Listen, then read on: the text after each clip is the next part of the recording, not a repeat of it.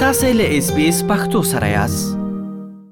د افغان لیکوال ناتاک او سیاستپوه ډاکټر کبیر ستوري د 14مې کلیزې یو غونډه په پیښور کې د افغان کلتوري ټولنې لخوا را جوړه شوې وه په غونډه کې د لر او بر یو شمیر لیکوالانو او د دوی نږدې ملګرو ګډون درلودو نوموړي لیکوال پروفیسر ډاکټر عباسین یوسفزي د اس بي اس راډیو سره د خبرو پر مهال باندې وویل چې خدای بخښلې ډاکټر کبیر ستوري د لیک، سیاست او د خپل علم پر اساس باندې د پښتون ولس فکر کړی دی او دا هغه څه دي او بیا دا هغه څه وو چې په راتلونکي کې یې د لر او بر پښتنو لپاره په عملي توګه باندې ګټې راوړي دي. ډاکټر کبیر ستوری زما ډېر ښه دوست و.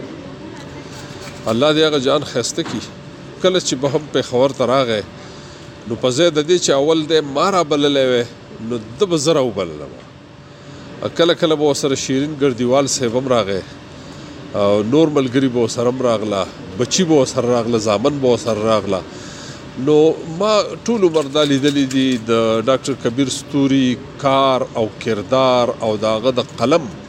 ټولو کارنامې ما کتلې دي او دغه په شا باندې ما دا محسوسه کړې ده چې یو ډېر پښتون ایمان داغه لیکونو په شا موجود دی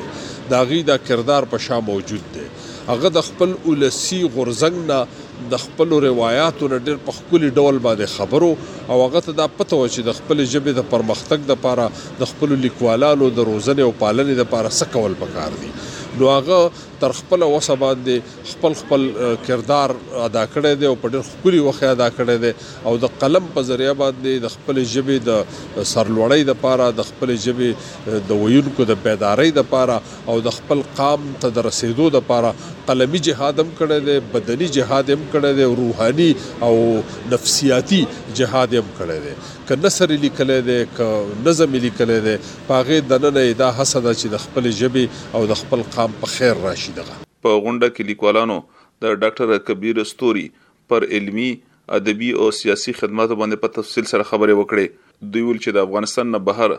په اروپي ټولنه کې ډاکټر کبیر ستوري د پښتنو د پرمختګ لپاره سیاسي او ادبي ټولنې جوړې کړې او په هغه کې د روزنې نه وروسته بیا پښتنو نه یوازې په بهر کې بلکې په افغانستان او د نړۍ په نورو هېوادونو کې د پښتنو خدمتونه ترسره کړل. میندې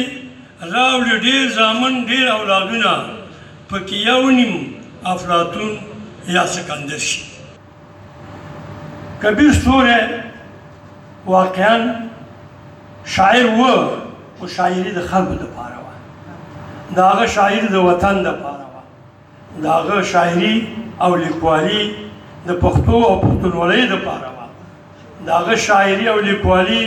د پښتون قام د لوړېدو، بېدارېدو، د غوړېدو او منزل ته د رسېدو لپاره وه. هغه فریادونه درلودل، شعرونه یې درلودل، فکرونه یې درلودل، خو دا ټول د خلکو او وطن لپاره وو. موږ ته هغه څوک ښاغلی دی، مونږ ته هغه څوک منلی دی چې د هغه فکر د قام لپاره وي. زه به یوازې هغه اړخونو ته متوجه شم چې مونږ یو ځای وو. په نولس سوه پنځه شپېتم کال کې مونږ د زر خوشحال خان لیسې نه او بیا د رحمان بابا لیسې نه فارغ شو او د هغه وخت پالیسي دا وه چې مونږ باید لاړ شو فارغ ته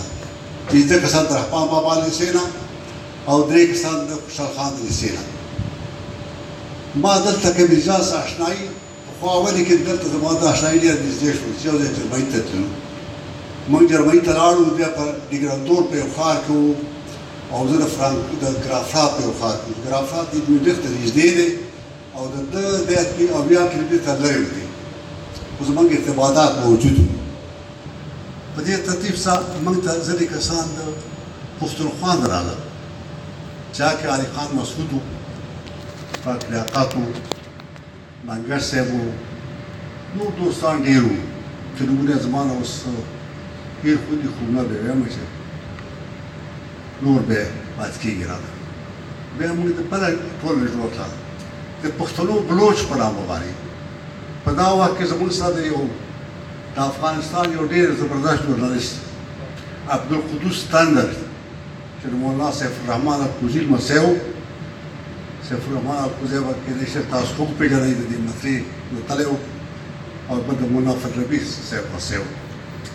دا هم ډېر زموږ لپاره ښه ثابت شو څه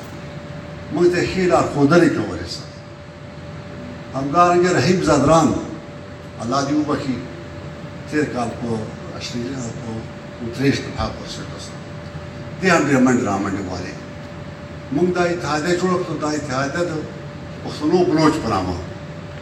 بیا د دې لپاره موږ یو نشریه چاپوله هغه هم د پښتو ژبې لپاره یې وکړه ډیره ښه موثره وه دې خلکو ته موږ دې زموږ ځوانان چې راغلل متاسفانه وویل چې زموږ څو کسان وو چې پښتو خط یې زده وکړه موږ دوی ته پښتو خطونه هم زده کړل نو ډاکټر صاحب چې کوم دی نو یو خو دا و چې هغه هلته په جرمني کې داسې ووایه چې هغلته د پښتنو یو مرکز جوړ کړو زمونږ څونه قامي مشران چې به تلل هغه به هم هلته یا نور چې د چا وس کې و هغه به جرمني ته خو له دې سره ما ځنې داسې خلک په پښتنو کې لیدلی وي اورېدلی وي چې هغوی مونږ ته د ډاکټر صاحب چې کومې خاصیتونه لکه جرمني ته به چې یو سړی لاړو د روزګار په دغه کې یا به د تعلیم دپاره لاړو نو ډاکټر صاحب به هغه یا به هغوی ډاکټر صاحب ته ځان وچاوه ورته یې چېرته ځان ورسوه یا به ډاکټر صاحب ته چې پته ولګېده په هغه بنده پسې ولاړو او هغه به ځان ته رانږدې کو د هغه د رعایش د هغه د تعلیم او د هغه د روزګار نو هغه مسلې به هغه حل کولې دا ډېره لویه خبره ده هغه ډاکټر صاحب ډېر شفیق او ډېر نفیس انسان و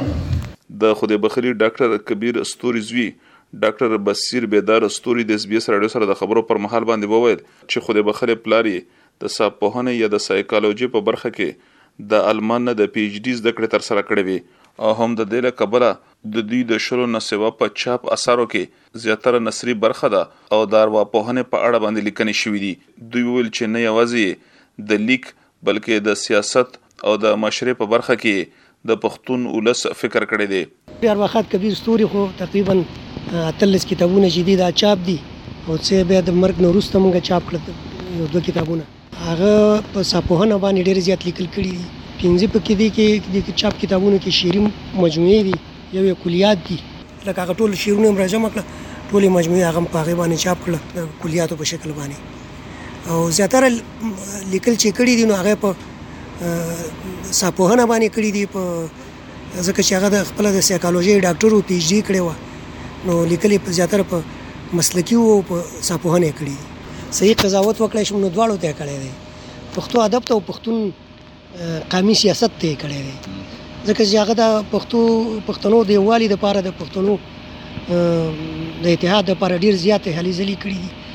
او د هغې لپاره یو هغه په جرمني کې چې کوم د پښتون سوسیال دیموکراتیک په نوم باندې یو ګوند لره چې په هغې کې لر او بر دواړه پښتانه پکې شامل ډاکټر کبیر ستوري د اپریل په شپږمه نېټه نولس سوه دوه څلوېښتم کې د افغانستان په کونړ ولایت کې زیږیدلی وو. لومړی زده کړې د پلارنې سیمې نه تر سره کړې او دغه شان تر دولسم ټولګي پورې زده کړې یې بیا په کابل کې تر سره کړې. له دې وروسته په دولتي سرپرستې کې د اوچتو زده کړو لپاره سره د نورو زده کوونکو آلمان ته ولیږل شو او له هغه ځای نه یې په سایکالوجي برخه کې د پي اچ ډي زده کړې تر سره کړې. د اپرېل په څلورمه نېټه دوه زره شپږم کال کې د دې فاني نړۍ نه یې د همېش لپاره سترګې پټې کړې. دوی په المان غږ راډیو کې د ناتاک په حېث باندې هم دنده تر سره کړې وه. اسلام ګل افریدي، اېس بي اېس راډیو، پېښور. که غواړئ دغسې نورې کیسې هم واورئ نو د اپل پوډکاسټ، ګوګل پوډکاسټ یا هم د خپلې خوښې پر پوډکاسټ یې واورئ.